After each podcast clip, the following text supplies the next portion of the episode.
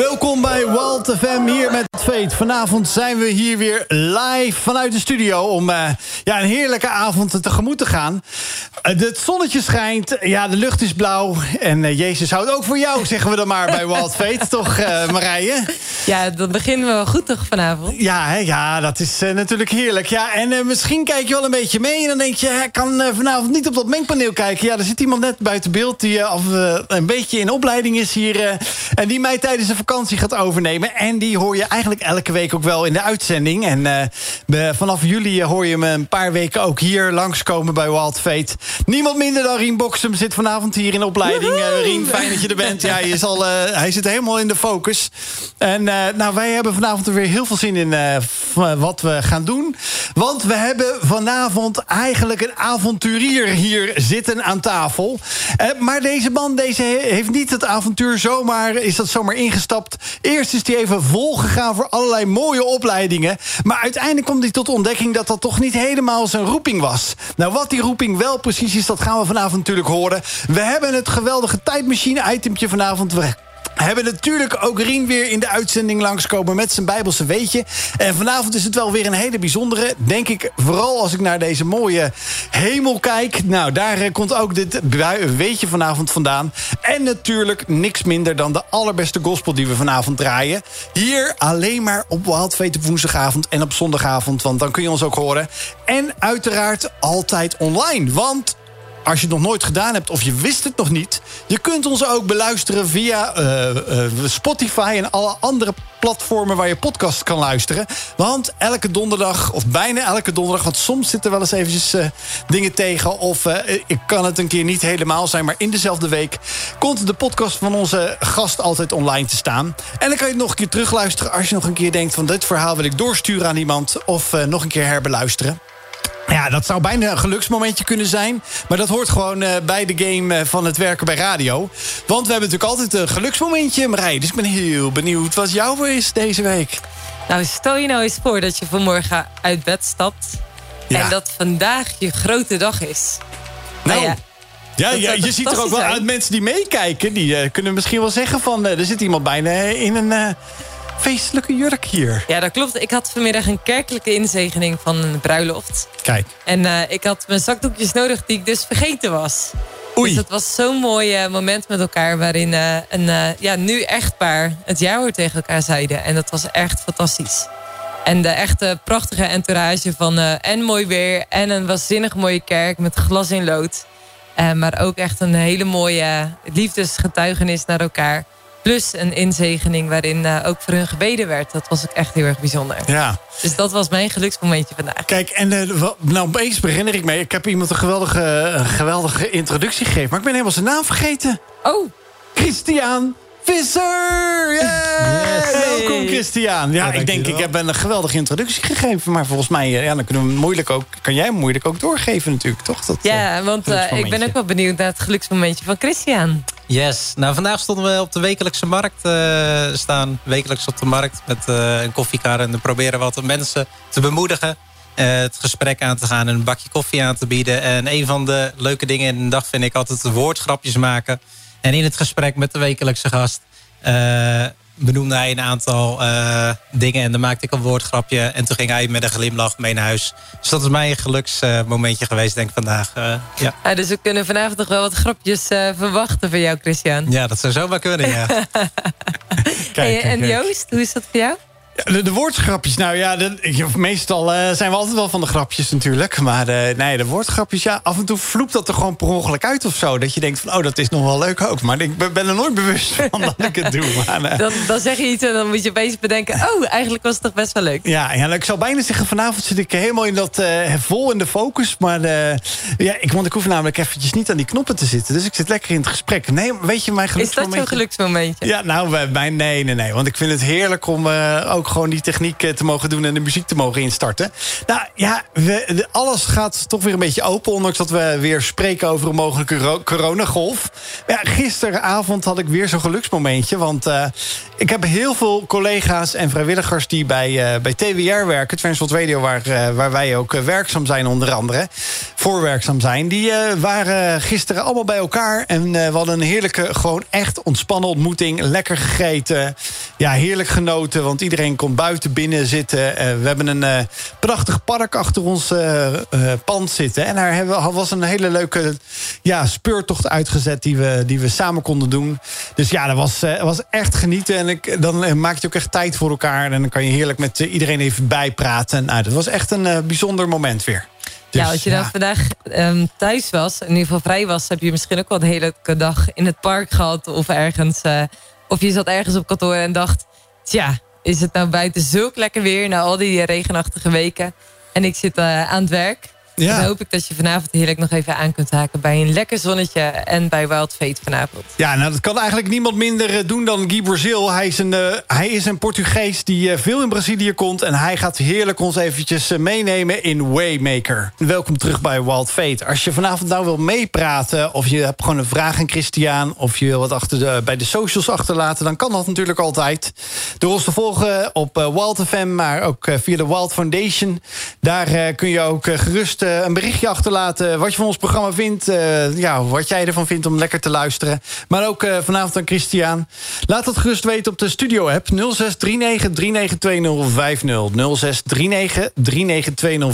Ja, ik heb dat al vaker geroepen. Maar gewoon lekker in je telefoon zetten. Want dan kan je altijd snel even een appje sturen naar de studio. Want we zitten hier natuurlijk live om ook jou mee te nemen vanavond in het verhaal van Christian. En Christian, aan jou eigenlijk gelijk even de vraag. Want ik had het natuurlijk over de avonturier. Maar ja, volgens mij ben je ook helemaal uh, ja, de, in, in studies gedoken. Want er zijn zelfs meerdere studies. Kun je ons dus even meenemen in jouw, uh, in jouw studietijd? Wat waren jouw ambities nou om uh, yes. ja, te gaan behalen? Wat uiteindelijk een beetje anders gelopen is. Maar daar gaan we vanavond meer over horen. Nee, klopt ja. Ik uh, was eigenlijk van plan uh, om uh, de bedrijfseconomie kant op te gaan. ik had eerst de opleiding mbo, assistent accountant gevolgd. En daarna bedrijfseconomie hbo. En ik dacht dat ik eigenlijk alles wel op de rit had. En toen op een gegeven moment dacht ik van ja, ik mis wat in mijn leven. En een stukje voldoening in het leven. En toen ik in het werkende leven zat, kon ik dat daar niet echt vinden. maar toen was er denk ik een moment dat ik echt God had ervaren op een hele persoonlijke manier, uh, relatiegericht denk. En uh, dat had wel echt een grote verandering uh, teweeg bracht.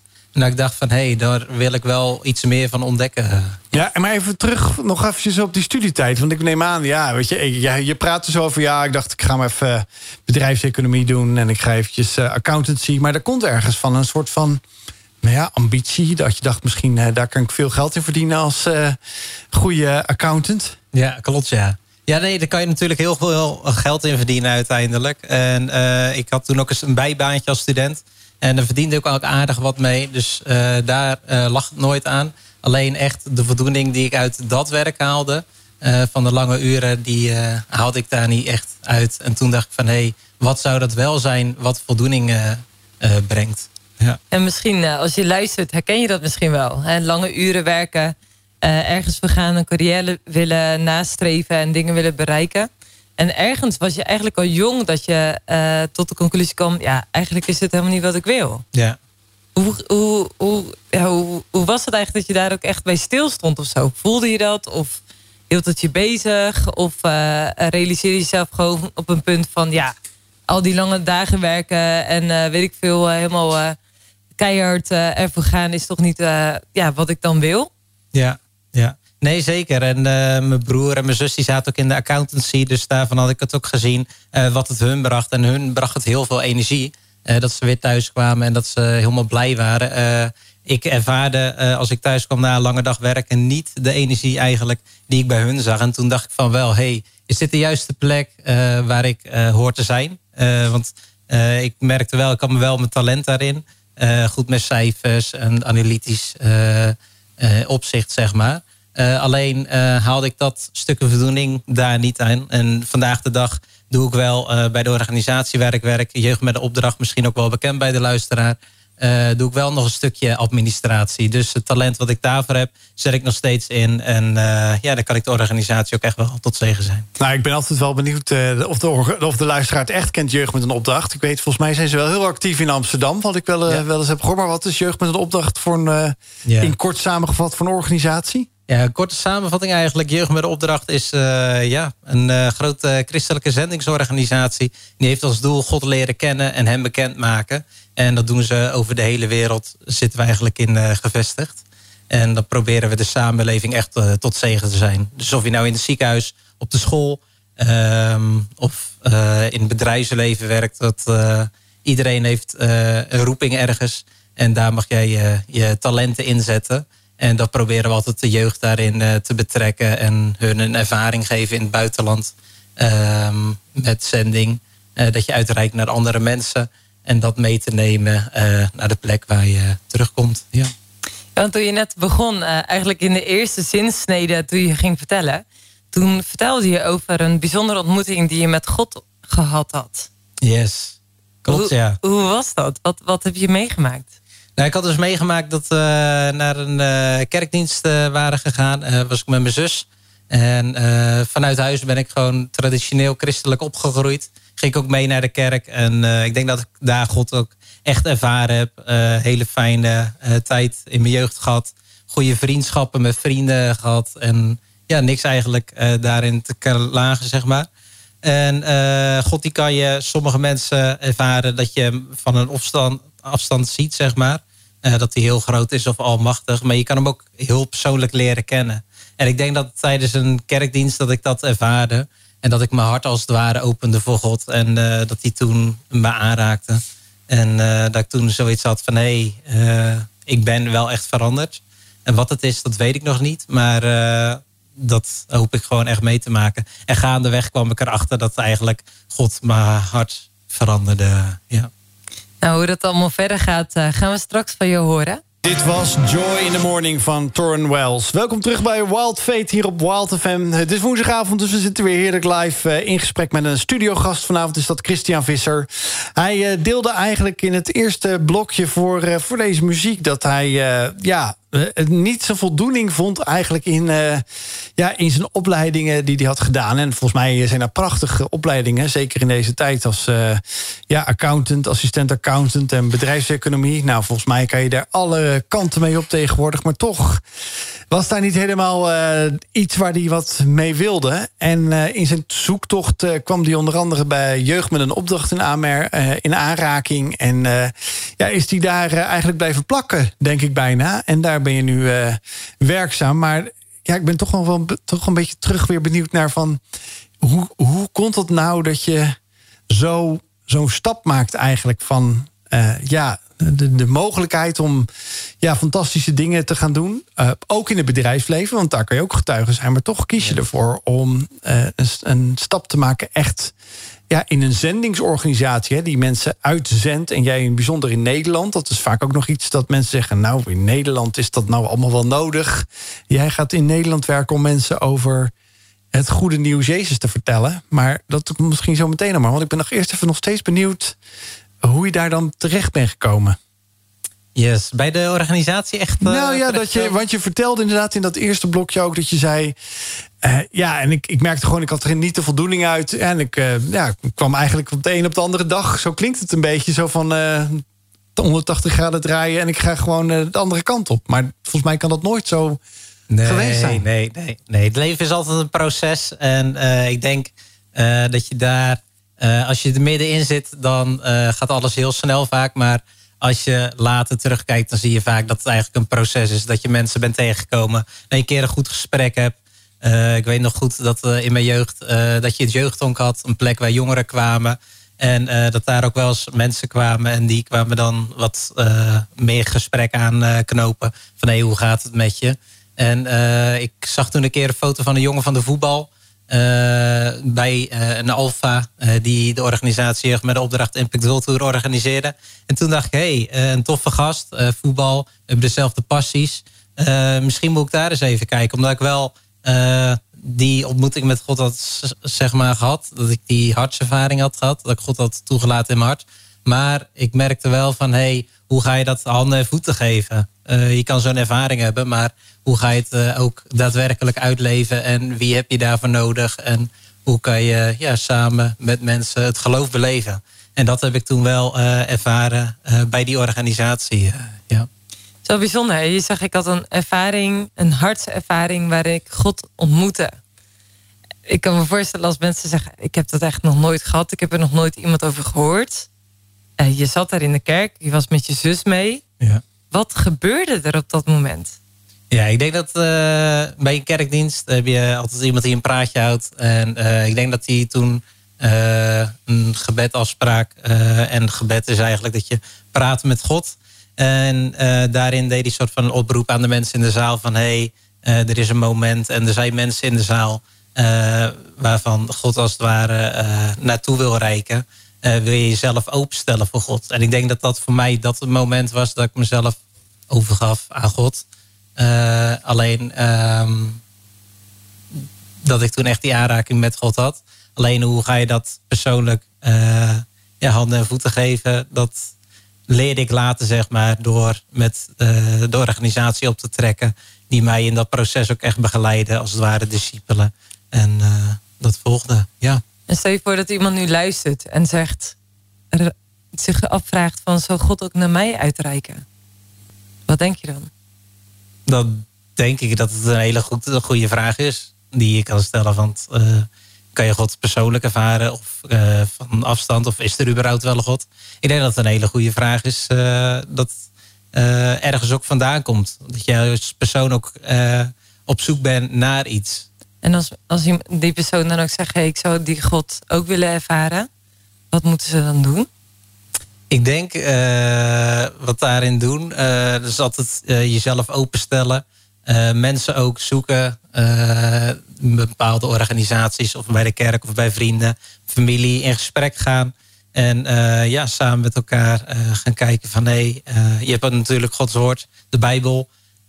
Die kan je er bijvoorbeeld bij pakken, een stuk daaruit lezen en dan ja, aan God vragen of hij zichzelf wil openbaren. En ja, ik denk door middel van gebed eigenlijk. Ja.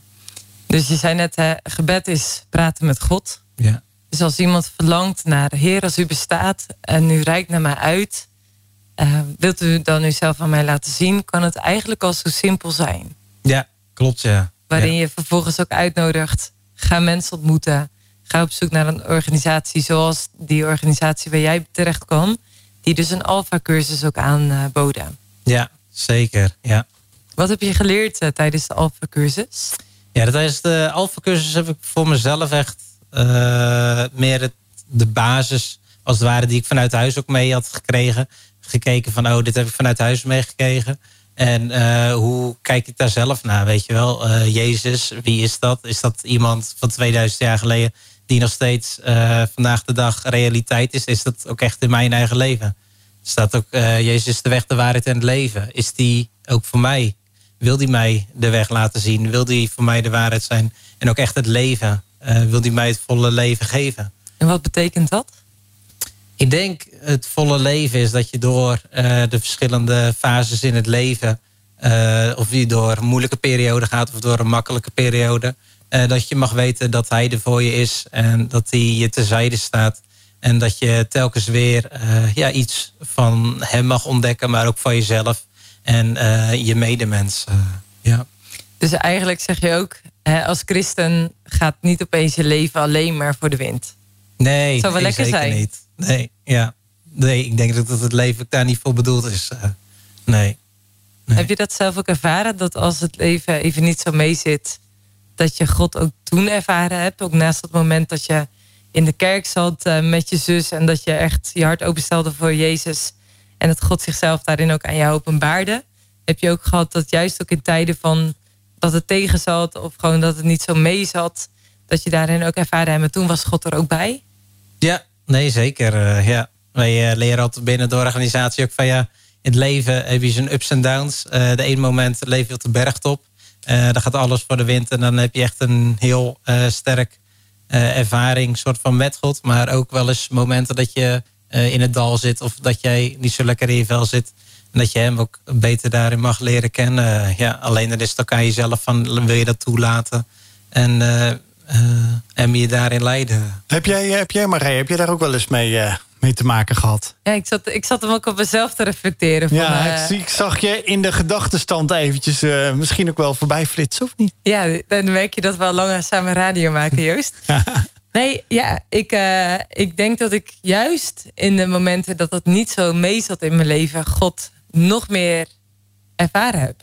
Misschien wel omdat juist in die momenten uh, je het leven niet als, eigenlijk vanzelfsprekend in de ene op de andere dag in elkaar overvloeit. En dat je jezelf ook bewust wordt van het leven en een stuk zingeving. En ja, als christen, omdat ik in God geloof, is het dan ook wel dat ik met dat soort vragen dan ook bij God terechtkom. Heer, hoe moet ik hiermee dealen? Wie bent u dan in deze situatie? Hoe kan ik hier wijs mee omgaan? En uh, ja, ik geloof dat u God bent en dat u alles in uw hand heeft. En Joost, ik ben ook benieuwd naar jouw verhaal. Maar laten we eerst even luisteren naar muziek. Dit was U bent de baas van het Ademproject. Het Ademproject heeft ook op 24 juni uh, een, uh, een heel gaaf concert uh, wat je kunt bijwonen door eventjes naar hun socials te gaan, de Facebook of de Instagram van Ademproject. En daar zie je ook dat daar heel veel getalenteerde mensen bij elkaar zijn gebracht. Niet alleen muzikanten, maar ook kunstenaars die graag mee, meedraaien met hun talent dat ze hebben gekregen in, in Gods Koninkrijk. En daar hadden we het net eigenlijk net een beetje over van ja, dat, dat je vaak God tegenkomt in het diepste. En daar vroeg Marije nog eigenlijk aan mij van... Uh, ja, waar, uh, heb je, hoe ervaar je dat ook wel? Ja, en ik denk ook wel... Ik, ik, jij, ik zag jou denken, en zei al van... we zitten natuurlijk al lang, bijna, nou ja, al meer dan een jaar... samen radio hier te maken bij Walter Fem. En toen dacht ik wel bij mezelf, deze les kwam mij als een reflectie toen ik ja, voor, voor deze job bij, bij Stichting De Hoop heb gewerkt. Bij Stichting Vrienden van de Hoop. En daar ben ik veel met mensen opgetrokken die een verslavingsachtergrond hebben gehad. Eigenlijk gehad, want daar zijn ze van verlost. Daar zijn ze los van gekomen. Alleen toen zeiden ze echt, vaak zeiden de mensen... dan krijg je echt zo'n gat erin. Want dat vulde, die verslaving vulde dat altijd. En dan is er echt een gapend gat. En daar was altijd het gebed van de medewerkers, maar ook van de mensen die daar werkten. nou, dan hopen we ook dat daarin God komt. In ieder geval dat daar uh, levensvreugde komt door, uh, ja, door geloof in, in Jezus. En hele velen hebben dat ook aangenomen. We hopen binnenkort weer eens een keer iemand hier ook uh, vanuit die achtergrond ook hier weer in de uitzending te hebben. Maar ehm, ja, toen dacht ik wel bij mezelf van daar heb ik zoveel mensen gezien die zo diep zaten. En dat is ook bij mezelf wel. Dat ik, en dat zegt Christian eigenlijk ook. Ik ben ermee opgegroeid. We zijn er allemaal mee opgegroeid, mee grootgebracht. En dat is eigenlijk een hele rijke zegen. Velen laten het achter zich, die laten het los. Ja, maar gelukkig houden ook velen het geloof vast. En dat geeft mij dan ook wel weer dat stukje dat ik denk... In, juist in die donkere, donkere dagen, in die moeilijke periode... dat er toch het geloof is. Die rots die, die we ook wel zeggen die Jezus is. En dat is dan ook wel waar je op mag staan. En dan in de storm kan alles wegslaan, maar die rots die blijft staan. En daardoor blijf jij ook staan. Je kan vallen, maar dan val je op die rots, maar dan word je weer opgericht. En dat vind ik wel heel mooi. Ja, dus ik denk als iemand luistert en die zegt: Ik ben niet zo bekend met al dat christelijke jargon. Dan kan het best wel moeilijk zijn hè? je voor te stellen dat Jezus is als een rots waar je op mag staan. Uh, dan kun je jezelf een plaatje van in je hoofd uh, halen. Of je hebt een toffe vakantiefoto waarin je dus staat op een sterke rots. En dan kan er dus van alles nog wat om je heen gebeuren. Maar dan mag je ergens weten. En dan is het interessant, hoe zit dat weten dan?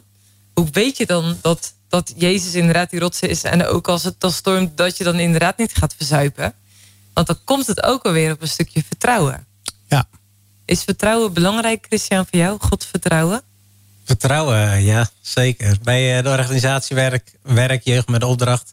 Uh, dan is uh, dat mensen op uh, giften leven. Zodat je persoonlijk achterban van familie en vrienden...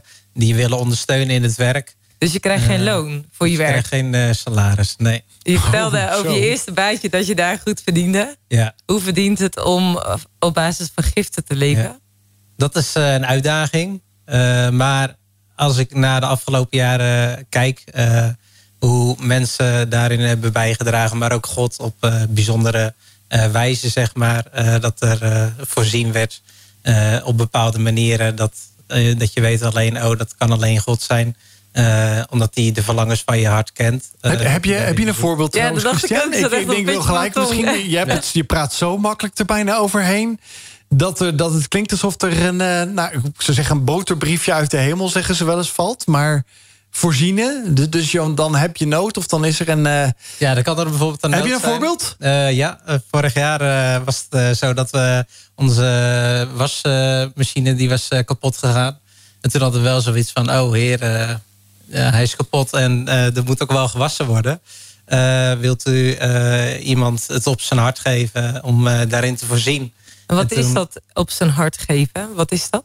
Ja, dat mensen een indruk krijgen of uh, dat ze uh, opeens uh, aan je moeten denken en dat ze contact met je opnemen. Een soort van bovennatuurlijke ingeving. Ja, dat zou bijvoorbeeld zo kunnen. Ja. Ja, dat je bijvoorbeeld misschien als je luisteraar dan heb je het misschien vandaag meegemaakt dat je aan je tante moest denken of aan je oom en dat je dacht, oh misschien zal ik eens een, een kaartje sturen of juist een bloemetje geven. Uh, zo kan het ook maar zijn. Uh, dus met de wasmachine. Ja. wasmachine. Maar vertel, ben ik nog wel benieuwd naar het verdere verloop van dat wasmachine. Ja, die was kapot. Ja, dus die was kapot. En toen uh, kregen we inderdaad een bericht van iemand die daar graag... of die had toen een droom gehad. Dat was het, ja. Die had een droom gehad. En toen zei hij, hey, hebben jullie dat nodig? En toen zeiden we, ja, nou dat is echt bizar. Want dat is precies gaande bij ons. En, en die had gedroomd over een wasmachine? Ja. Klopt. Echt waar? Ja. Dat is toch echt waanzinnig. Dus je kan het heel bijzondere in zo'n hoge nood ervaren. Maar we hebben ook wel eens meegemaakt dat, ja, bijvoorbeeld dat je graag iets uit de supermarkt zou willen hebben. En, maar dat gewoon financieel nu even niet mogelijk was. En dat er dan iemand langskomt en die had precies bijvoorbeeld een mandarijnen, bijvoorbeeld even iets kleinschaligs zeg maar. Dat die precies daarmee bij jou thuis kwam om tot zegen zijn. Of, uh, ja. Dat geluksmomentje dus, hè? Ja, dat is wel bijzonder. Uh, ik moet denken aan het Nibud. Die zegt altijd dat je de drie duurste apparaten juist moet kunnen vervangen. Zoveel spaargeld heb je nodig. Ja. Maar wat je zo schetst, is dat jullie echt in dingen als iets kapot gaat, echt ook afhankelijk zijn van een bovennatuurlijke inbreng van God, dat Hij ook daarin voor jullie zorgt. Zo heb je het over vertrouwen. En wat je zegt, hè, eh, ik geloof dat God voor ons zorgt. Ja, dat wordt dan wel echt concreet in jullie leven. Ja, klopt, ja. ja. Vind je het nooit spannend? Tuurlijk, het is spannend. Maar goed, uiteindelijk is het ook weer een weg die je samen bewandelt. En uh, ja, mag je er ook samen met God als het ware uitkomen van... hey, is dat ook wel echt iets wat op Gods hart is, wat iets voor ons is... en uh, waar wij uh, samen op reis mogen gaan, zeg maar. Ja, want je, je hebt het over wij. Wie zijn wij? Ja, dus mijn gezinnetje, mijn vrouw en uh, mijn zoontje en ik. Ja. ja. het is echt bijzonder dat je dat zo met elkaar ook uh, kunt beleven. Hey, en je bent dus door de jaren heen, uh, je bent bij Jeugd met de Opdracht terechtgekomen, waar je dus die Alpha-cursus volgde. Ja. En hoe is toen na die Alpha-cursus je leven vergaan? Ja, dus wel de, toen een weekend met de Heilige Geest. God die kan je in drie verschillende personen tegenkomen. God als vader, God als zoon en God als heilige geest. En toen was er een weekend en daar stond de heilige geest dan in de kern, zeg maar. dus toen kwam er ook een spreker spreken. Wim Tollenaar, misschien wel bij de luisteraar bekend, misschien niet. En hij kwam ook echt spreken over de heilige geest. En toen was er dus een moment dat hij ook woorden van God door ging geven aan mensen. Nou, met mijn opvoeding was ik juist bekend alleen met een prediker. Met iemand die het woord, Gods woord vertelde vanaf een preekstoel. en niet met een profeet. Iemand die Gods woord doorgeeft. En die vertelt hoe God naar een persoon kijkt of naar een land. En dus voor mij was dat toen wel een hele bijzondere ervaring. En dat ik toen echt zoiets had van wow. Um, toen de tijd er was dat hij over mensen wat ging delen wat God op zijn hart had voor die persoon. Toen kwam hij ook op een gegeven moment bij mij. En ik wist hoe mijn levensstijl toen was. Dus ik had zoiets van, nou, daar hoef je niet naar mij te vertellen van hoe God mij ziet, zeg maar. Maar. Ja, want wat zou God dan gezegd hebben? Als je dat zelf zou bedenken? Nou, ik denk dat je beeld, hoe je naar jezelf kijkt... of hoe andere mensen naar je kijken... dat kan daarvoor beïnvloeden. En ik wist dat er bepaalde dingen in mijn levensstijl waren waarvan ik dacht van hé, hey, volgens mij kan dat wel anders.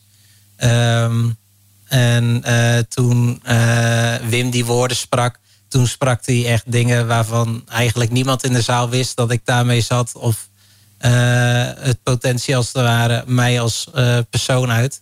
En toen had ik wel zoiets van hé, hey, dit kan alleen God zijn. En toen had ik echt wel zoiets van wow, als dit, als God zo persoonlijk kan zijn en zo specifiek tot mij, dan moet er wel iemand zijn ja, dat, dat God echt er is, ja.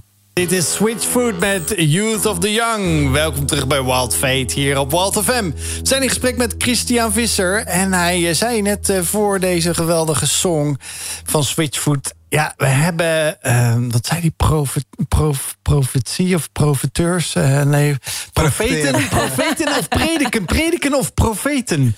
En dat zijn toch twee heel verschillende dingen. En daar kwam jij voor het eerst een beetje dan mee in uh, aanraking tijdens die uh, bijeenkomst met profetie of profeteren of prof, met een profeet. Ja. Maar wat, wat is, kan jij misschien de luisteraar en ons ook eens een beetje meenemen. Misschien in, in Klopt, simpele ja. taal. Jip en Janneke ook voor mij bijna. Dat ik denk, ja, wat is het, wat is het verschil? Ja. Ja, prediken is eigenlijk echt dat je onderwijs geeft... en dat je de mensen echt meeneemt in een verhaal... en dat je hun vertelt van... hé, hey, um, dit is bijvoorbeeld een onderwerp... en daar gaan we wat meer over vertellen. Uh, onderwijzen, net zoals in de schoolbanken. Uh, dus je misschien wel ervaren hebt. En profiteren is meer dat je Gods woorden... als het ware, dat je door uh, middel van gebed... dat je praat met God dat je woorden ontvangt als een indruk of een hoorbare stem. Vaak is het een indruk. Uh, en uh, die kan je dan delen met de persoon waarmee die persoon ook weer mag zegenen. En vroeger in de Bijbel heb je een oude verbond, zeg maar, een nieuw verbond. En onder het oude verbond was het juist vaak meer dan was het volk van God soort van die naar andere goden gingen. Uh, en daar uh, uh, dat God ze eigenlijk weer terug naar hem wou krijgen. Dat hij dan een boodschapper zond en dat hij de woorden van God mocht doorbrengen naar zijn volk dat ze naar God toekeerden.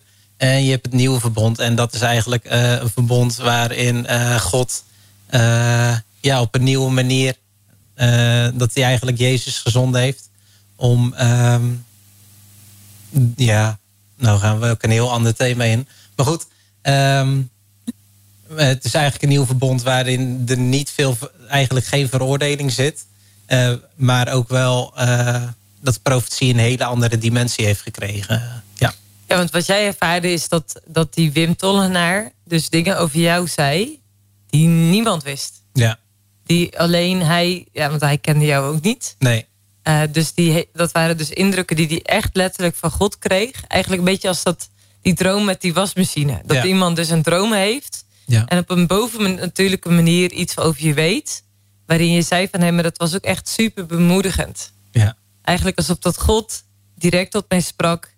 En me liet zien, hey Christian, ik ken jou. Ja. Is, is dat ook wat anders trouwens, Christian, uh, dan wat je net hebt over Wim. Maar je had het ook daarvoor nog over die persoon die jou door een droom, jou en je gezin, een wasmachine heeft gegeven. Of is het eigenlijk, komt het ook op hetzelfde neer? Um, in zekere zin wel. Als we het hebben over het thema bijvoorbeeld Gods stem verstaan. Uh, hoe kan je Gods stem verstaan? Heb je allemaal verschillende manieren. Uh, dat kan bijvoorbeeld door middel van een droom zijn. Maar het kan ook door een gedachte uh, of door een hoorbare stem. In de Bijbel staan er heel veel voorbeelden eigenlijk hoe dat kan. En de, de Bijbel die spreekt vandaag ook de dag. Is vandaag ook nog realiteit. En ik geloof daar ook in dat God uh, door middel van die manier hoe hij vroeger sprak... die daarin opgeschreven dat hij ook vandaag kan spreken. En profetie wil eigenlijk zeggen dat het iets kan zijn voor in de toekomst... maar ook voor vandaag en nu wat een persoon echt nodig heeft. ja. Wat is het mooiste wat je ooit van iemand die profetisch was uh, ontvangen hebt? Ik denk uiteindelijk de liefde van God. Ja. Dat ik dat heb gezien. Bij, door de jaren heen heb ik verschillende sprekers gezien over dit thema ook.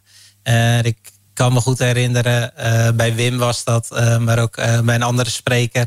Die als hun spraken, dan, dan ervaarde je gewoon Gods hart voor die persoon. En dan ja, wist je gewoon van hé, hey, dit is hoe God die persoon gemaakt heeft. En dan zie je gewoon bemoediging. En dan zie je dat mensen geraakt worden in zijn emoties. En dat mensen gewoon een ervaring met God uh, mogen hebben. Ja. Het kan ook zijn natuurlijk dat je bijvoorbeeld buiten in de natuur... Uh, in de auto rondrijdt uh, na een lange dag werken. En dat je gewoon even helemaal tot rust komt. En dat je gewoon iets proeft van... hé, hey, er is meer, weet je wel. Dan kijk je naar buiten hoe mooi het is. vandaag de dag met het weer, weet je wel. Dan ja, kan het zomaar zijn dat door de natuur... dat je ervaart van... hé, hey, God die is er. En, uh, zit, zit dan ook bij iedereen een beetje een, uh, ook wel een profeet in? Want je zei net ook van, nou ja, misschien uh, zit je wel in de auto... en dan denk je aan je oom of tante om een kaartje te sturen. Dat is eigenlijk ook dat God tot je spreekt. Maar dat is wat anders dan dat je een boodschap doorgeeft voor iemand anders. Ja, nou, er zit wel... Of aan iemand anders eigenlijk, zo moet ik het zeggen. Ik denk uiteindelijk, als je naar de nieuwe tijd kijkt, dan zijn er bepaalde richtlijnen waarin je dan uh, kan functioneren. En vaak uh, in 1 Korinthe 14 vers 3 staat ook dat profiteren, als je dat doet, uh, dat het opbouwend moet zijn, bemoedigend en ook vertroostend. En niet tot afbraak van de persoon zal zijn. Dus als het iets is wat niet aan die drie criteria voldoet, dan kan het zomaar zijn dat het niet van God is, zeg maar. Ja. Dus het is ook altijd wel heel fijn gevoelig dat je moest zijn van, oh, wat past er bij die persoon? En uh, ja. En ook jij gaat toetsen, denk ik, van uh, uh, soms kan het ook zijn dat je iemand zelf even wat wil zeggen. Ja, dat is een eigen gevoel dan, hè? Ja. Dan is het geen. Uh, ja, ik heb, dan heb je ook wel eens een indruk van iemand. Maar je, je daagt eigenlijk echt uit om je hart ook te toetsen. Is datgene wat je, wat, de indruk die je krijgt, is dat ook echt een, iets, een boodschap van God? Ja. En mag ik dan ook dat aan iemand als bemoediging of vertroosting doorgeven? Ja, klopt. Ik ben ook heel erg benieuwd. We hebben een, eh, nieuw item. Dat hebben we vorige week voor het eerst gedaan, uh, Joost. Ja. Uh, dat gaan we straks na de plichtplegingen gaan we dat doen. Ja, ik, ik, want het, het grappige is wel dat... Of grappig, ik vind het eigenlijk wel bijzonder dat ja, Christian van allerlei dingen vertelt. Ook over bijbelverhalen. Of je kunt het lezen. Of je kunt het... nou ja, in het Nieuwe Testament, net over Korinthe. Dat staat in het Nieuwe Testament. Dat is het tweede deel van de Bijbel. Want de Bijbel staat, bestaat eigenlijk uit 66 boeken, twee delen. Een oud en een nieuw. Dat oude verbond en dat nieuwe verbond waar je over spreekt.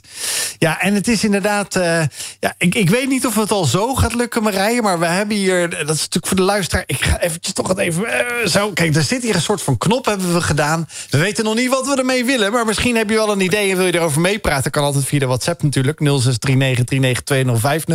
Maar misschien moeten we wel zeggen dat onze studiogast zelf op die knop kan drukken... als hij of zij klaar is voor de tijdmachine. Want dat is ons nieuwe itempje, Marije. Natuurlijk wat we weer uh, gaan toepassen. En we moeten ook niet vergeten dat... Hij zit hier weliswaar live in de uitzending, Rien. Maar hij heeft ook weer wat voorbereid. Zo'n weetje, wat altijd interessant is om te weten. En misschien wel op, je verjaardag te vertellen, op een verjaardag te vertellen. Maar uh, de tweede uur gaan we daar uh, meer over horen. Het is woensdagavond, dan is het Worship for Everyone. Welkom bij Wild Fate hier in het tweede uur bij Wild FM. We zijn live hier in de studio. Wil je meepraten? Wil je een, vraag stellen aan Christian, uh, die hier vanavond de gast is? Dan kan dat gewoon via de studio WhatsApp. Dat is 0639392050.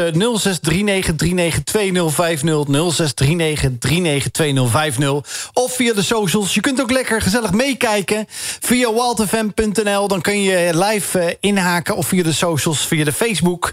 Als je daar nog geen vriend van bent, want uh, dan blijf je op de hoogte. Want we geven ook regelmatig prijzen weg. Niet alleen wij, maar ook alle andere shows hier bij Wild Fate. Of Wild FM. En maar Wild Fate heeft natuurlijk wel heel bijzondere prijzen voor ons. Uh, uh, want vorige week mochten we nog een, een boek weggeven over long covid van Carol Noten. En we hebben vaak boeken of cd's. Of, ja, we hebben ook weer andere leuke acties. Want we gaan weer met hoodies. gaan we weer in het najaar gaan we weer van, van start. En die zijn natuurlijk Op een dag als vandaag heb je hem niet nodig. Nee, ik, wil, ik wilde heel erg oppassen van uh, nou, misschien ook wel t-shirts of caps. Ik, uh, we moeten eens eventjes binnenkort uh, komt degene die dat gaat daar gaan, gaan bijdragen, komt binnenkort hier langs bij Walt FM. Nou, we zijn in het tweede uur gaan we in het gesprek met, met Christian over ja, zijn, ja, denk ik ook wel bijzondere reis die hij tot nu toe al met, met God gemaakt heeft. En daar hij al veel elementen van het leven misschien ook is tegengekomen.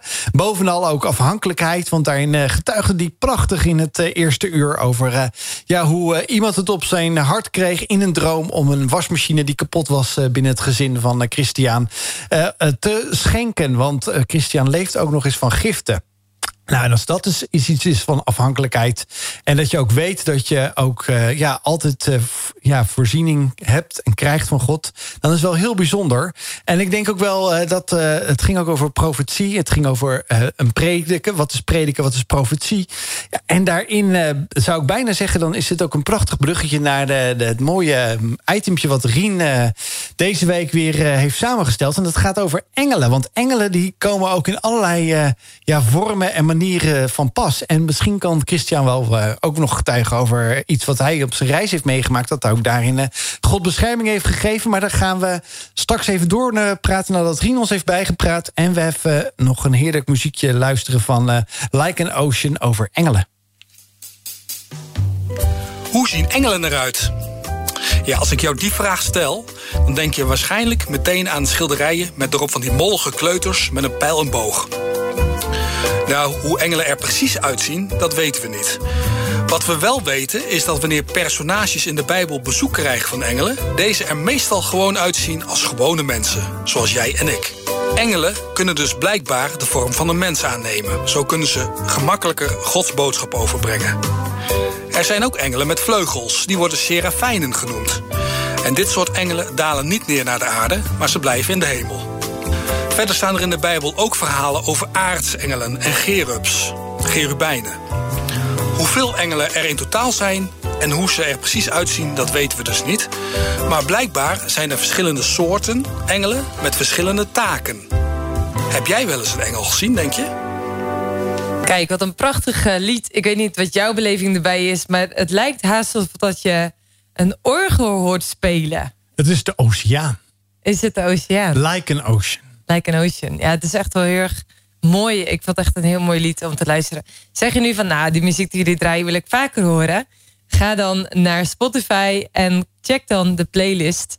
Um, Wild de playlist. Met DE in plaats van the. En dan kun je alle muziek die we hier draaien... kun je heerlijk naluisteren. Kan je op hard lopen, kun je op koken, whatever wat je wil doen. Uh, en heerlijk ook geïnspireerd worden. Dus hoe heerlijk is dat? En dan had Rien natuurlijk het verhaal over de engelen. En dan weet ik niet hoe het jou vergaat. Of dat je inderdaad ook denkt van die uh, bollige uh, kindertjes, babytjes met van die, uh, van die vleugels. Maar één ding is zeker. Ik weet niet of dat je dat zelf ook bewust bent. Of je daar ook mee bekend bent. Maar engelen bestaan.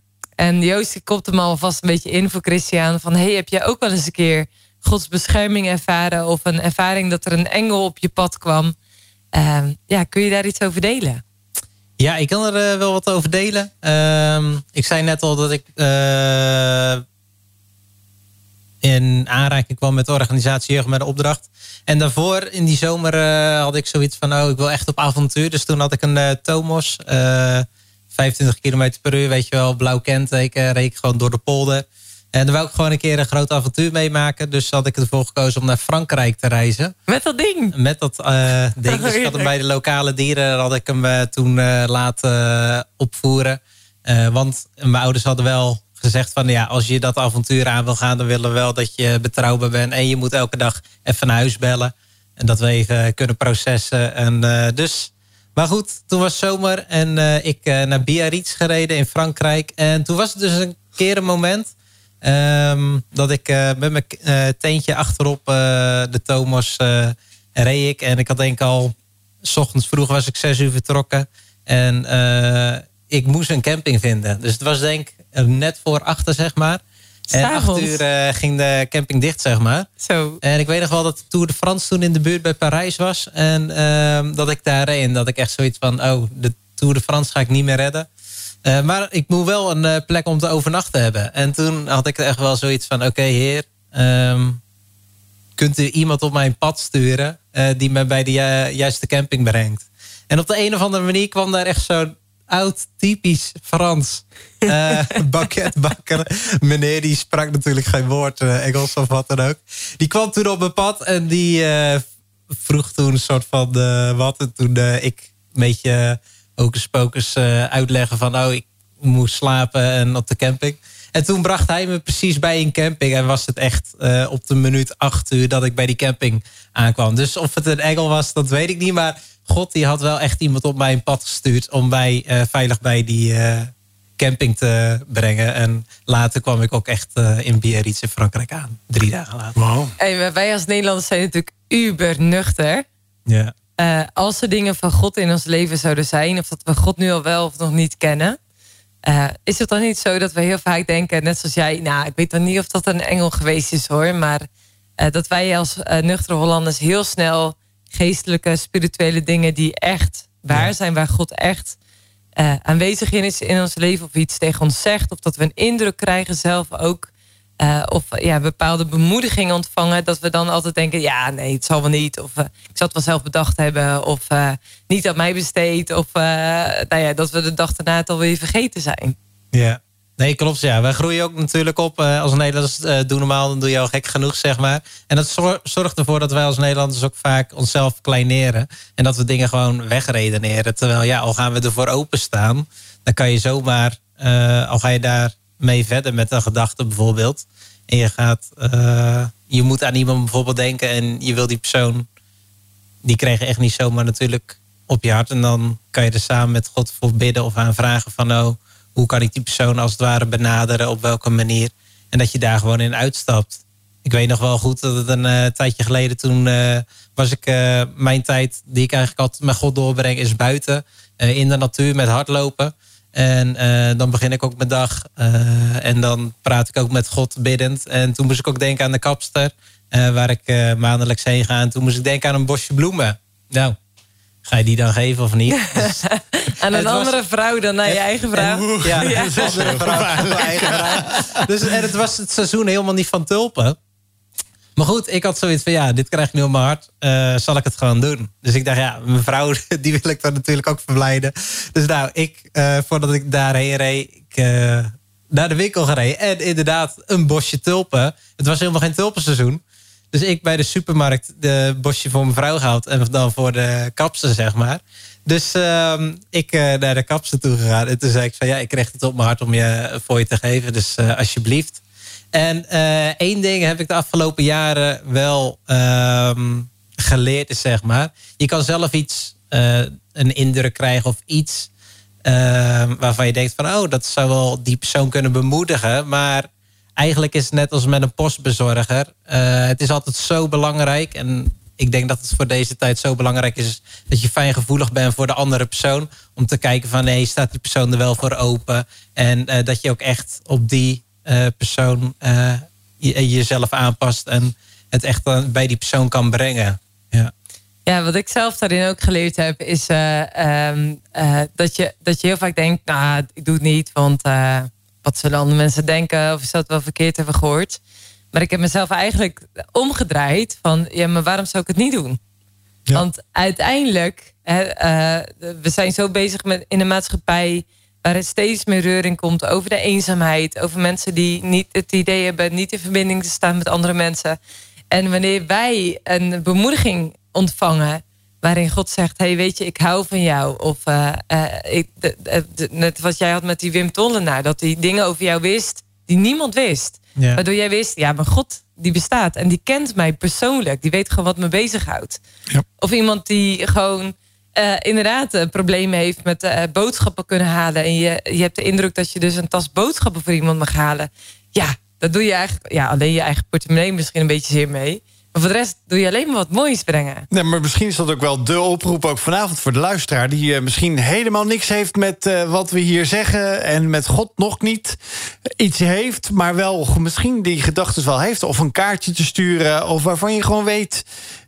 Ja, ik, ik, ik denk gewoon aan iemand. En dan moet je niet wachten, want je moet het gewoon doen. Want je hoort ook zo vaak de laatste tijd dat mensen denken...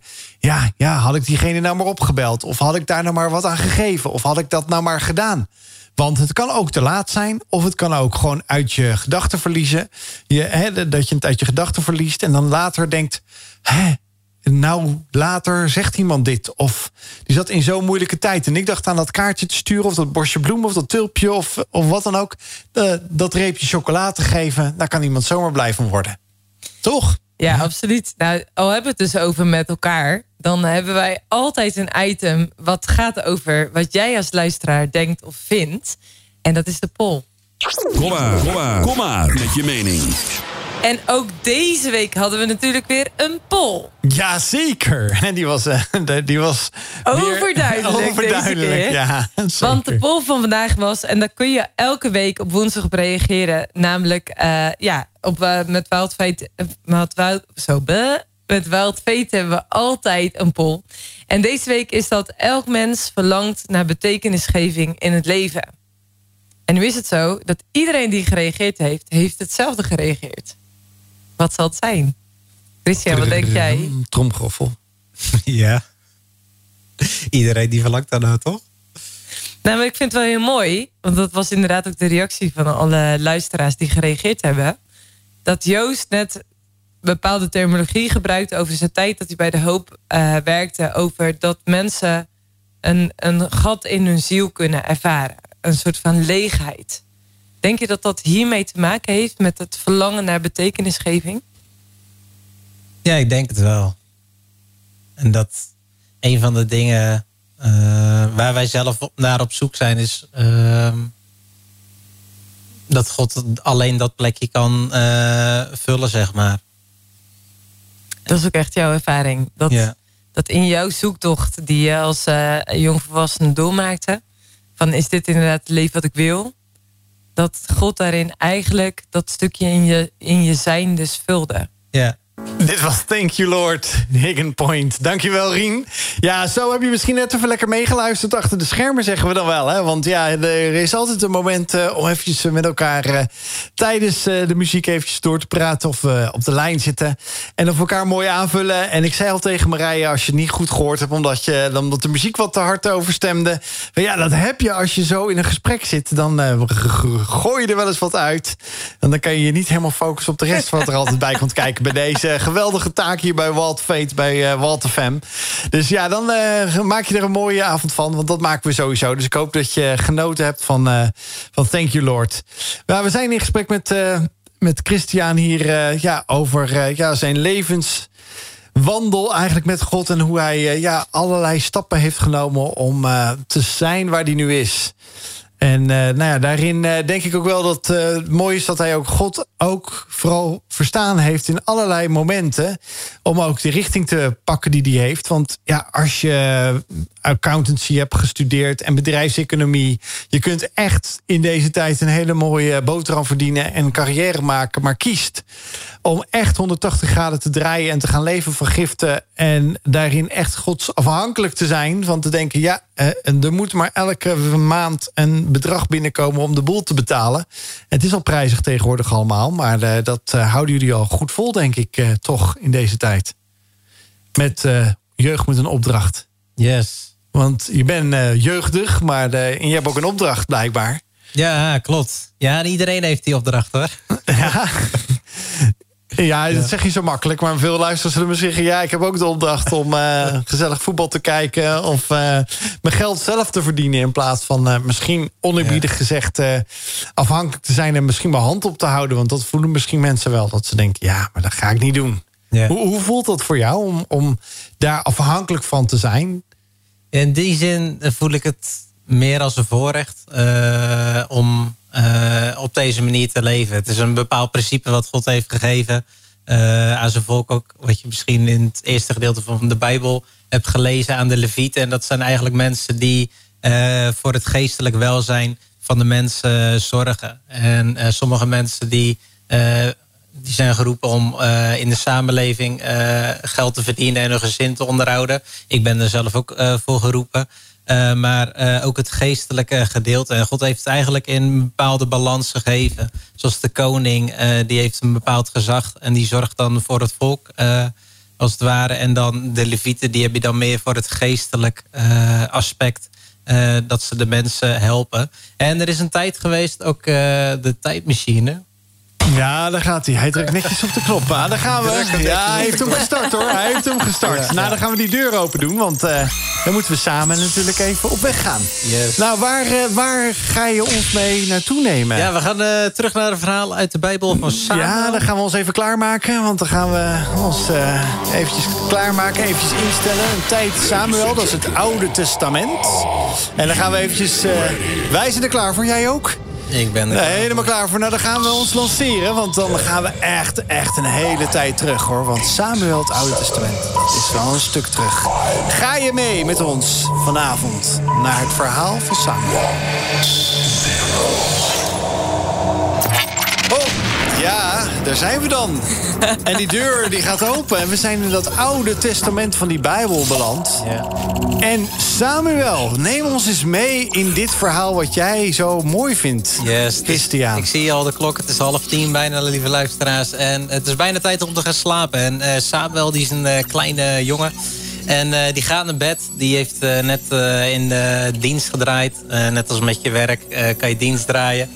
of dat je mee school. maar het kan ook zijn dat Samuel in die tijd is in de tempel van God. En in die tempel heeft hij zijn bepaalde taakjes. En uh, dan gaat hij slapen. En op een gegeven moment ligt hij lekker te slapen. En op een gegeven moment dan hoort hij opeens een stem.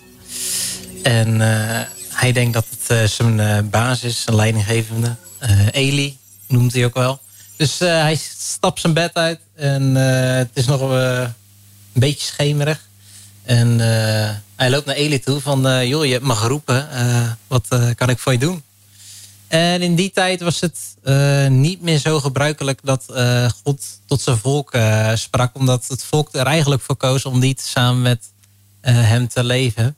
en toen had Eli zoiets van, ik heb je helemaal niet geroepen. Ga terug naar bed. En misschien herken je dat ook wel. Dat je je kinderen naar, naar je toe komen. S'nachts of s avonds en dat er iets is. En je stelt ze gerust en ga weer terug. En dan op een gegeven moment uh, is Samuel weer in bed. En uh, dan uh, hoort hij weer die stem. En dan zegt hij Samuel. En Samuel heeft zoiets van, nou, het is zo'n bekende stem. Ik ga maar weer naar Eli toe. Dus Samuel, die is bij Eli. En op dat moment denkt Eli van, hé, hey, dit is wel verdraaid. Want ik ben het niet die roept. Misschien is het God die hem wel roept. Dus uh, Samuel die uh, gaat weer terug met de opdracht van Eli. Van zeg, uh, stel dat God het is. Dan zeg je, Heer, hier ben ik. Wilt u tot mij spreken? En als er iets is dat God tot je spreekt. Oh, nou Siri, die spreekt ook altijd wel. Dat is mobiel. Maar goed, dat hij dat wel vertelt tegen Eli. En dus Samuel die gaat terug naar bed. En opnieuw spreekt God voor de derde keer tot Samuel. En uh, Samuel, uh, God die vertelt dingen over hem, uh, over Eli en wat er gaat gebeuren in de komende tijd. En ja, het was niet een populaire boodschap die hij mocht vertellen tegen Eli. want er was een tijd dat mensen niet meer God dienden.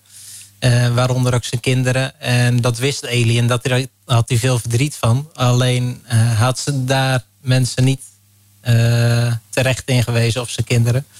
Uh, om weer God daarin te betrekken. Dus Samuel die ging uit bed en die ging naar Eli en die vertelde uh, wat God al zelf tegen Eli verteld had. En dat is ook wel een van die bijzondere dingen die ik door de Bijbel heen, door de verhalen lees. Is dat God spreekt of God kan spreken. Soms kunnen we dat doorhebben, maar soms kunnen we het ook negeren. Maar als hij spreekt, zal hij ook andere mensen stel dat we het negeren, uh, op ons pad sturen. Uh, om die boodschap bijvoorbeeld te beschermen. En Samuel die mag, mocht leren Gods stem te verstaan. En dat is denk ik echt het verhaal waar ik jullie in mee wil nemen. Is dat het, het kan op de een op de andere dag dat je Gods stem kan verstaan. hoorbaar. Maar voor de meeste mensen is het echt een proces dat je God mag leren kennen.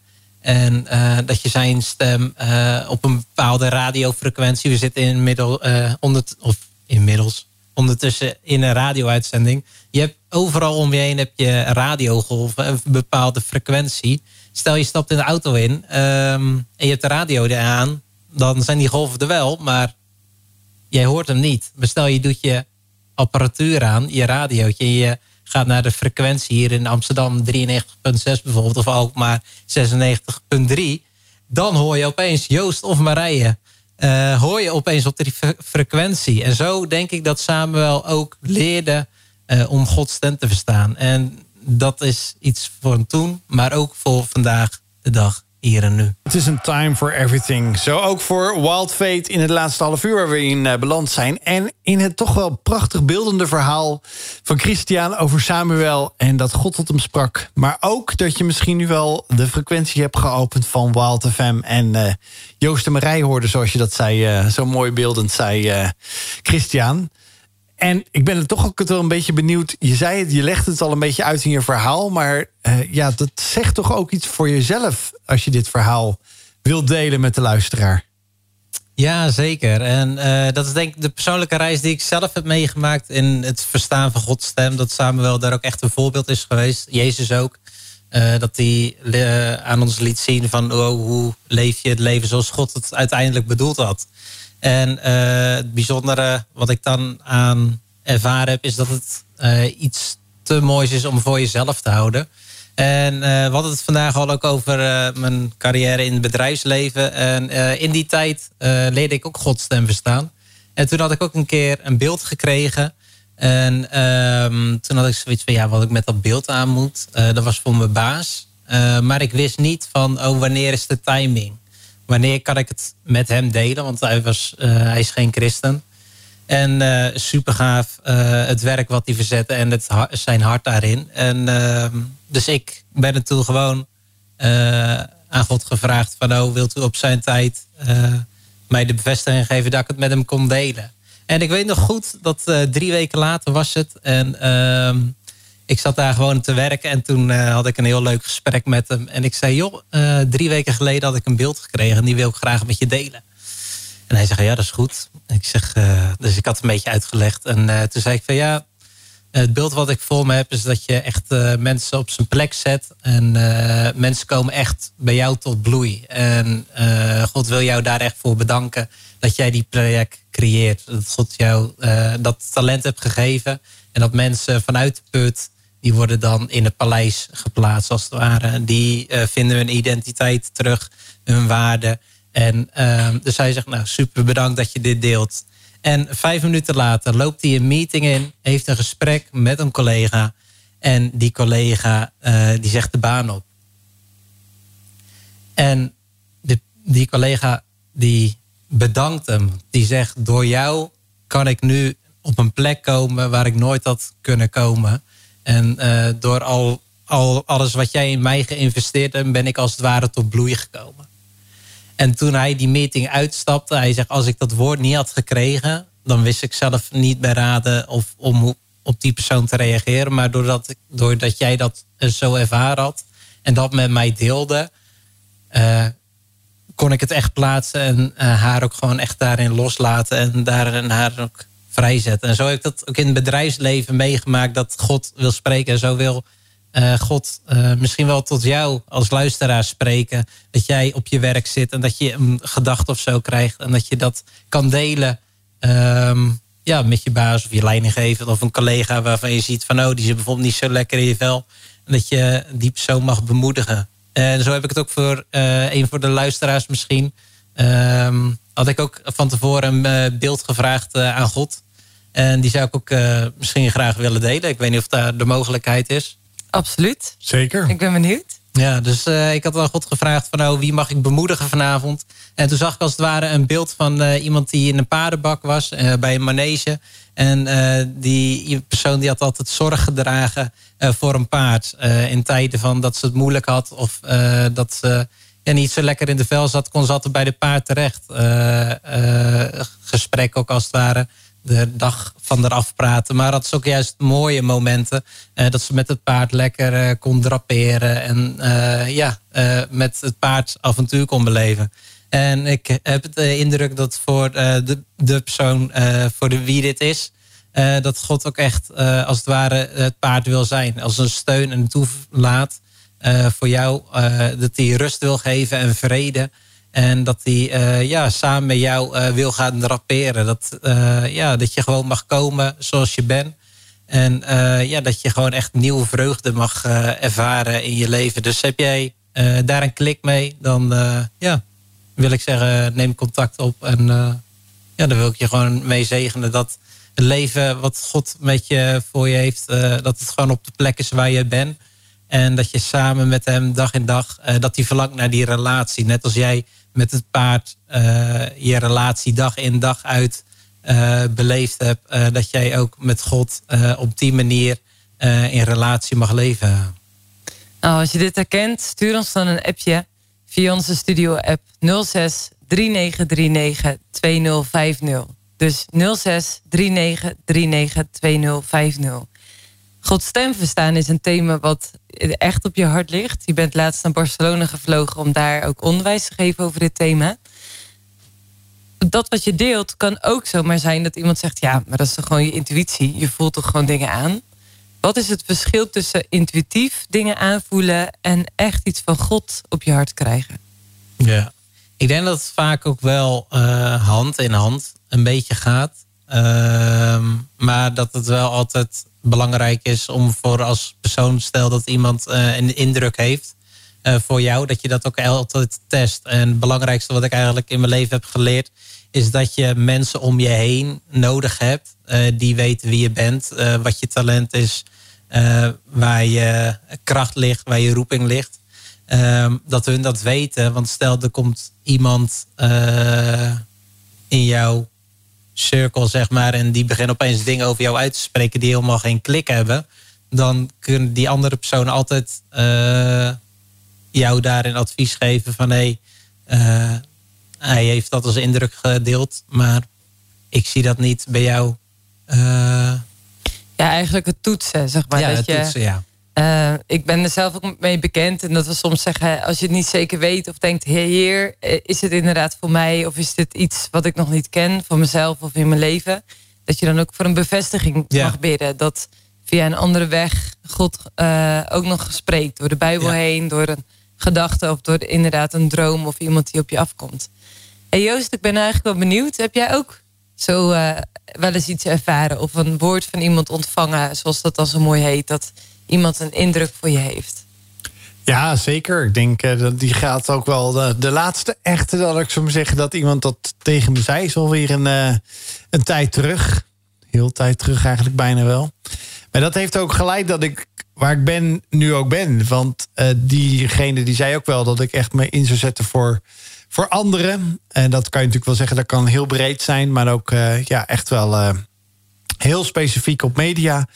En niet, niet specifiek op radio, maar wel op media. En uh, dat daar met talent uh, ja, ontplooid zou worden.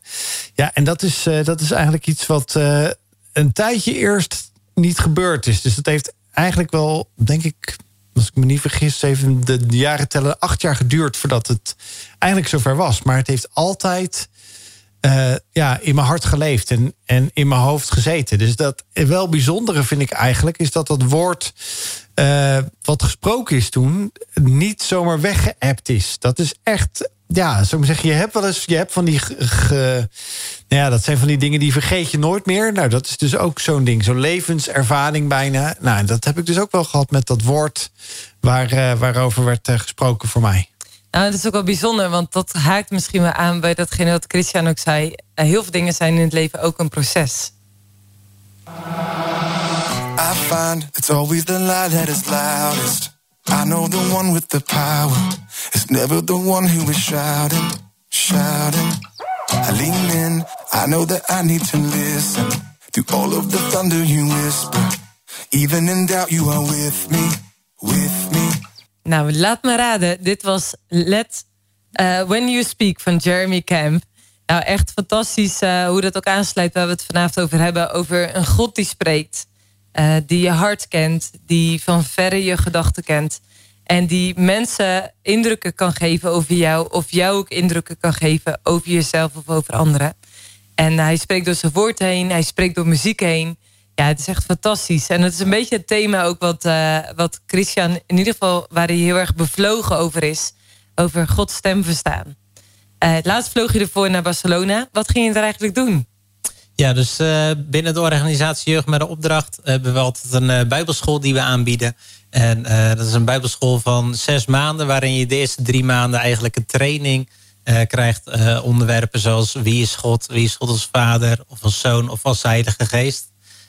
Hoe werkt leven in de zending, maar wat is het belang van families? relaties en hoe kan je God in je beroepswereld uh, bekendmaken uh, in de maatschappij. En een van de uh, onderwerpen waar ik over gevraagd was om over Gods stem te verstaan, te praten. En dat was tijdens een voetbal-DTS. Ik ben gepassioneerd ook voetballer. Uh, lievelingsclub Feyenoord. Ja, dit is niet echt de regio daarvoor. Maar ik dacht, ik maak ja, ja, heel gevaarlijk hier, heel gevaarlijk. Ja.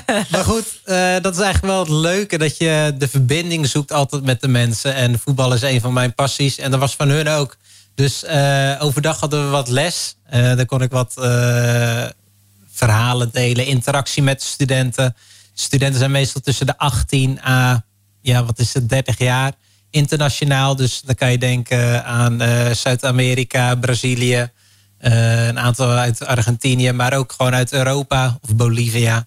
En die kwamen daar dan en dan mocht ik dan lesgeven overdag. En dan middags ging je dan voetballen en dan ging je ja, uh, uitreiken naar de andere mensen. Om juist een brug te bouwen in de cultuur. Ja, dat is Barcelona natuurlijk de stad om te zijn als het yes. op voetbal. Klopt, ja. En je zegt uit te reiken naar andere mensen betekent dat dat je gewoon ergens in het park ging voetballen en dan met mensen in gesprek ging? Of wat betekent uitreiken naar andere mensen dan?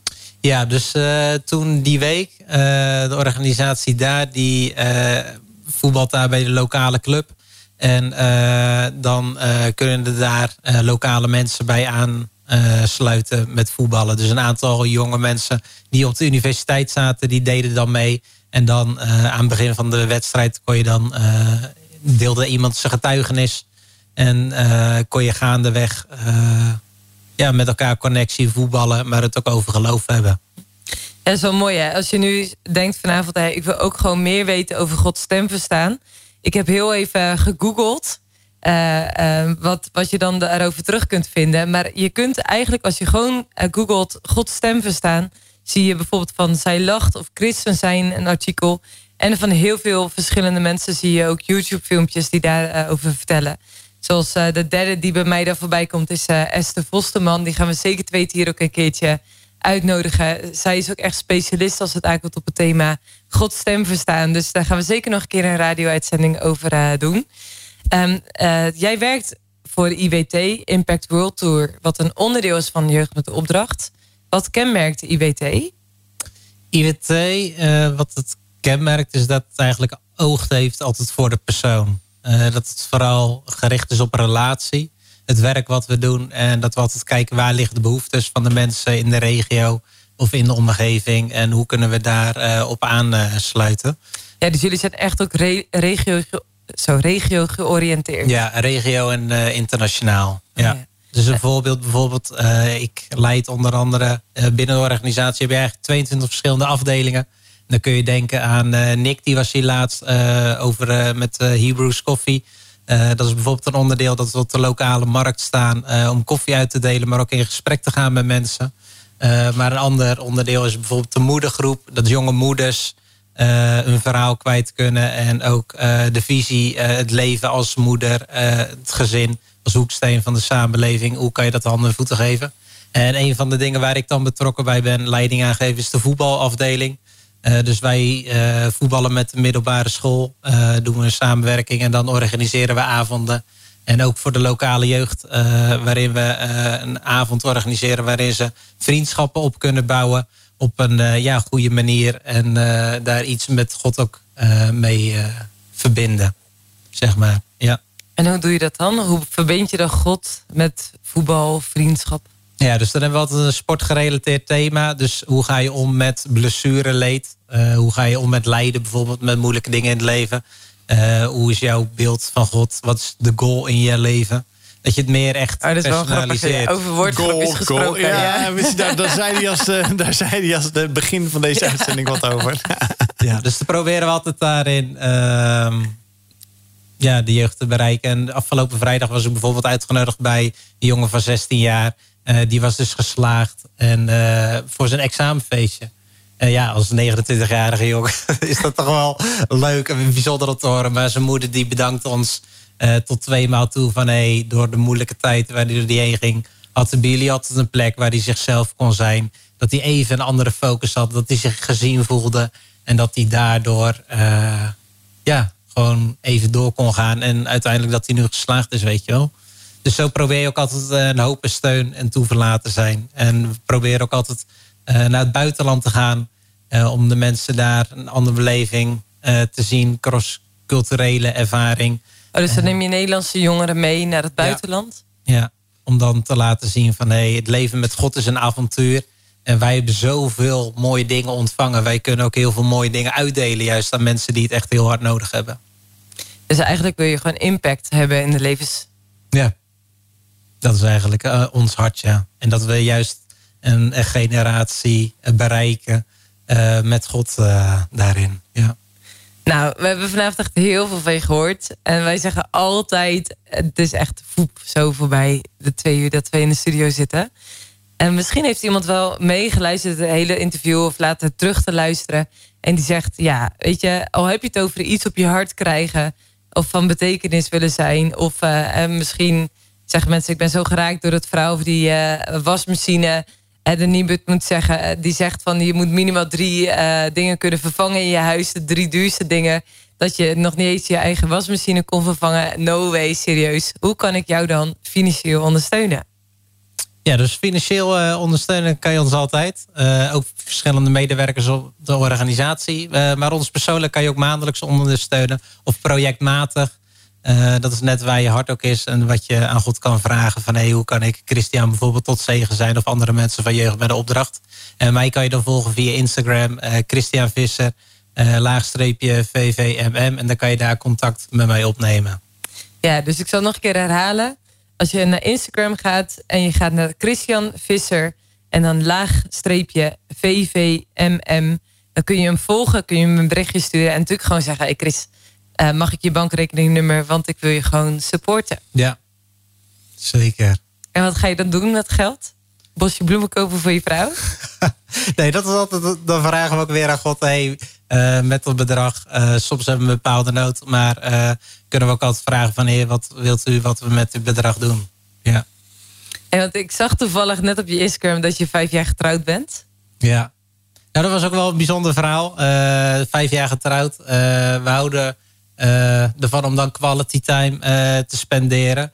En toen kregen we ook twee giften binnen om uit eten te gaan. En we waren naar de plek geweest waar we uit eten konden. En toen was precies het bedrag wat we gekregen hadden, konden we daar uitgeven. En dat zagen we toen aan de rekening. En toen dachten wij van wow, God kent je door en door. En misschien hoor jij deze verhalen en heb je zoiets van hé, hey, dat zou ik ook wel willen ervaren. En dan ja, zou ik ook graag voor je willen bidden, misschien op dit moment om uh, jezelf te openen en uh, dat God zelf tot je spreekt. Dus misschien kunnen we daar een moment van nemen. Laten we daarmee uh, in ieder geval de, afslu de afsluiting doen. Dan wil ik in ieder geval zeggen, volgende week zijn we er weer met Robert de Heer van Stichting Anders. Hij gaat het ook anders doen en hij gaat het anders vertellen. Maar wees gewaarschuwd alvast, want het wordt een hele toffe uitzending. En nou wil ik graag ja, jou het gelegenheid geven, Christian, om voor de luisteraar te bidden... en daarmee onze uitzending van vanavond van Wild Fate op Wild FM af te sluiten. Yes. Nou, Vader God, dank u wel voor wie u bent. Dank u wel dat u liefdevolle vader bent, Heer. En uh, dat u in ieder persoonlijk, Heer, mooi gemaakt heeft. Heer, dat u ieder uh, uniek is. Heer, ik bid gewoon, Heer, uw vrede, Heer, over iedereen uit. Heer, dat ze op dit moment echt rust mogen ervaren. Heer, dat uh, ja, we misschien warrige gedachten zijn... of ja, misschien paniekaanvallen. Heer, dat u dat wegneemt. Heer, en dat u echt rust geeft. Heer, dank u wel, Heer, dat u ook een vertrooster bent. Heer, dat u uw Heilige Geest ook als trooster en als hulper heeft gegeven, Heer. En ik bid gewoon voor de mensen, Heer, die op dit moment vertroosting of bemoediging nodig heeft. Heer, dat u komt, Heer, met uw rust. Heer, en dat u uh, ja, hun aanraakt. Heer, en ik bid gewoon uw vrede ook over iedereen uit. Heer, dat ze echt mogen weten, Heer, dat ze geliefd zijn. Heer, en uh, ja, dat u van hen houdt. Heer, wilt u met uw liefde de mensen op dit moment aanrekenen. Heer, en uh, ja, als, er misschien pijn uit het verleden is, Heer, dat u daar herstel geeft, Heer, met uw Heilige Geest. Heer, wilt u met uw vertroosting komen. Heer, en ik bedank u gewoon, Heer, voor deze tijd. Heer, dat we samen het over u mochten hebben.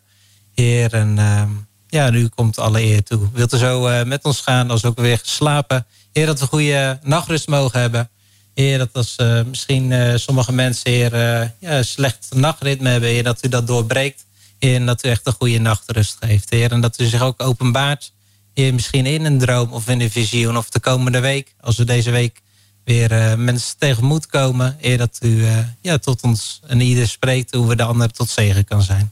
Heer, zo bid ik zo in Jezus naam.